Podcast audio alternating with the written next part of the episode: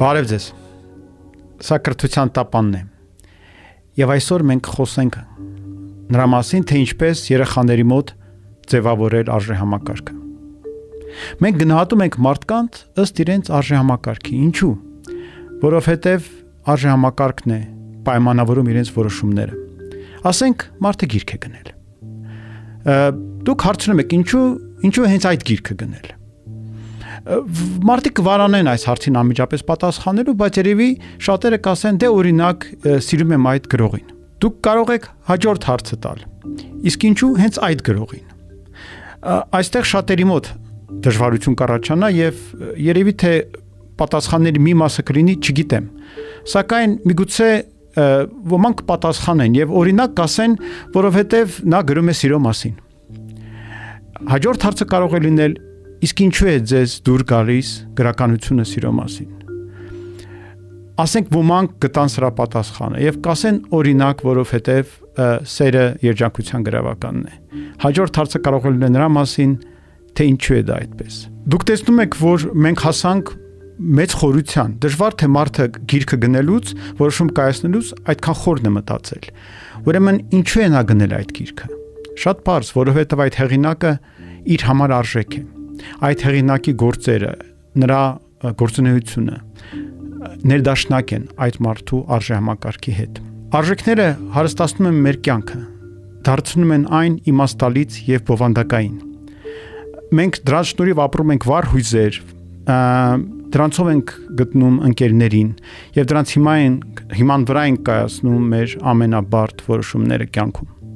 Արժեքների կորուստը ցավալի է մենք պայքարում ենք դրանց մեր կյանքում պահպանելու համար։ Արժեքները այնն են,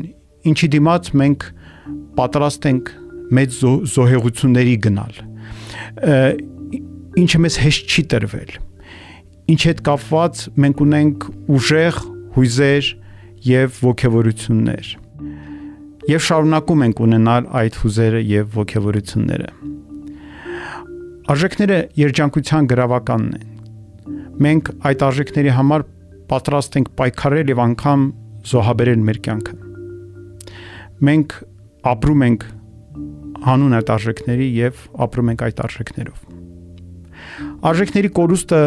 դառնում է մեզ համար շատ ցավալի։ Կյանքը դառնում է անիմաստ, դատարկ, անբովանդակային։ Մենք դառնում ենք անտարբեր։ Մեր արժև բացահայտվում է մահի դառը դեմքը։ Եվ մենք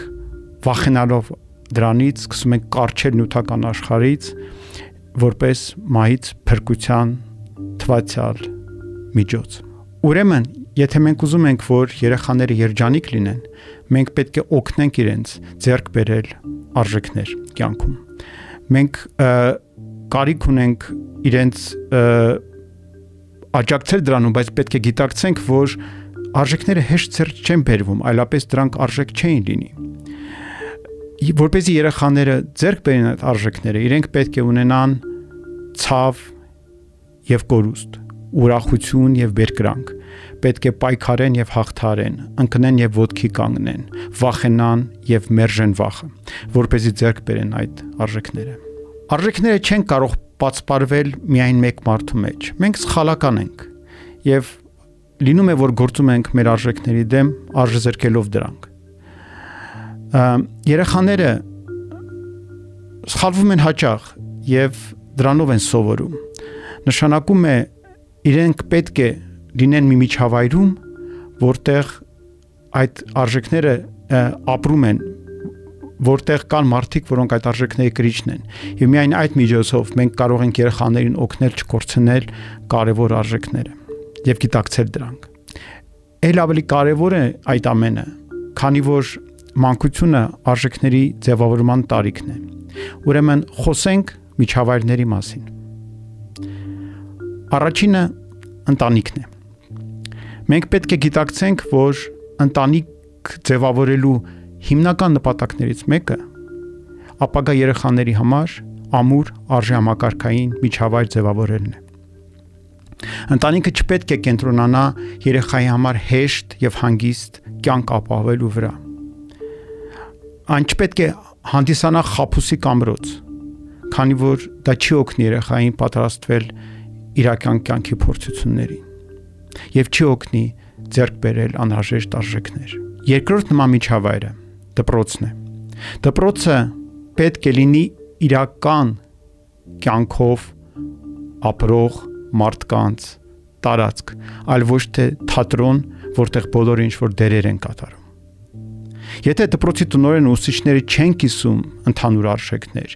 իրենց կյանքում, իրենց որոշումներում, իրենց գործողություններում չեն հետևում այդ արժեքներին, ապա դպրոցը անիմաստ է, այն դառնում է փուչ տեղ։ Ավելին, իրականում այն վնասակարար է։ Եթե դպրոցի տարածքում պետք է ցուցաբերել որոշակի վարկագիծ, որպեսզի ընդամենը դուր գաս ուսուցիչներին, գոհացնես իրենց, այլ ոչ թե ելնելով դպրոցում ապրող արժանապատկից ապա դպրոցը կսովորեցնի ձևականություն, խափեություն, կրկնակի չափանիշներ։ Եթե տնորենը բղավում է ուսուցիչների վրա, ապա աշակերտները հասկանում են, որ կյանքում կարևոր նպատակն է թույլերին նվաստացնելը եւ իրենց վրա իշխանություն վերհաստատելը, որ ուժեղի կողմից թույլին ճնշելը ճիշտ է եւ արժեք է։ Եթե տնօրենը ունի հատուկ արտոնություններ, ունակ ուսուցիչների եւ աշխատակիցների նկատմամբ, իսկ ուսուցիչները ունեն արտոնություններ աշակերտների նկատմամբ, ապա աշակերտները բնականաբար եզրակացնում են, որ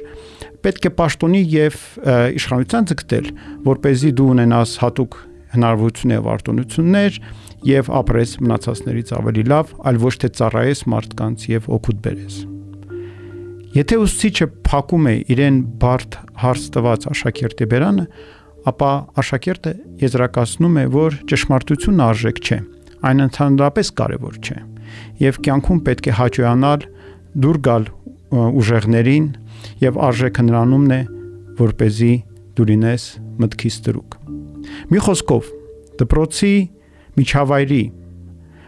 դպրոցում արկա ժամակարգի ազդեցությունը երեխայի վրա ահրելի է եւ ցավոք դպրոցները այսօր դա չեն գիտակցում եւ մեր դպրոցների մեծամասնությունում այս հարցին որևէ լուրջ ուշադրություն չեն դարձնում դրա պատճառը նաեւ այն է որ արժեքային համակարգ եւ մշակույթ ստեղծելը չափազանց դժվար է դա պահանջում է խիզախություն ազնվություն արժեքների համար պայքարելու կամք եւ ներքին ամրություն։ Շատ ավելի հեշտ է կա համակերպվել գնալ զիջումների եւ պայմանականության։ Սակայն պետք է քաջ գիտակցել, որ այդպիսի դպրոցներում մեծանում է սերունդ ստրուկների մտածողությամբ եւ կեղծ արժե համակարգով, որը վաղը տանելու է մեր հասարակությունը դեպի անդունդ։ Այսօրվա հեշտ ապրելը վաղը բերելու է արհավիրքի։ Բացի ընտանիքից եւ դպրոցից, երեխայի վրա մեծ ազդեցություն ունի բակը, հարազատների միջավայրը, հերոստացույցը, համացանցը, ամեն բան, ու իրենց մոտ առաջացնում է ուժեղ հույզեր եւ պահպանող տպավորություններ։ Դա է պատճառը, որ արժեհամակարգը ձևավորելը դյուրին խնդիր չէ եւ պետք է գտնվի ծնողների եւ դպրոցի անընդհատ ուշադրության ներքո։ Ճիշտ արժամակարգ ունեցող երեխան կունենա նաև լավ ակադեմիական արդյունքներ, ավելին գերազանցի ձեր ակնկալիքները։ Դպրոցի եւ ընտանիքի ուշադրությունը կրթության մեջ առաջնահերթորեն պետք է կենտրոնացած լինի արժամակարգի ձևավորման վրա։ Աշխարի ամենամեծ վճռագործությունները իրականացվել են լավ սովորած սրիկաների կողմից։ Այսօր ասկանը շնորհակալություն ձեր ուշադրության համար։ Կհանդիպենք հաջորդ երեքշաբթի։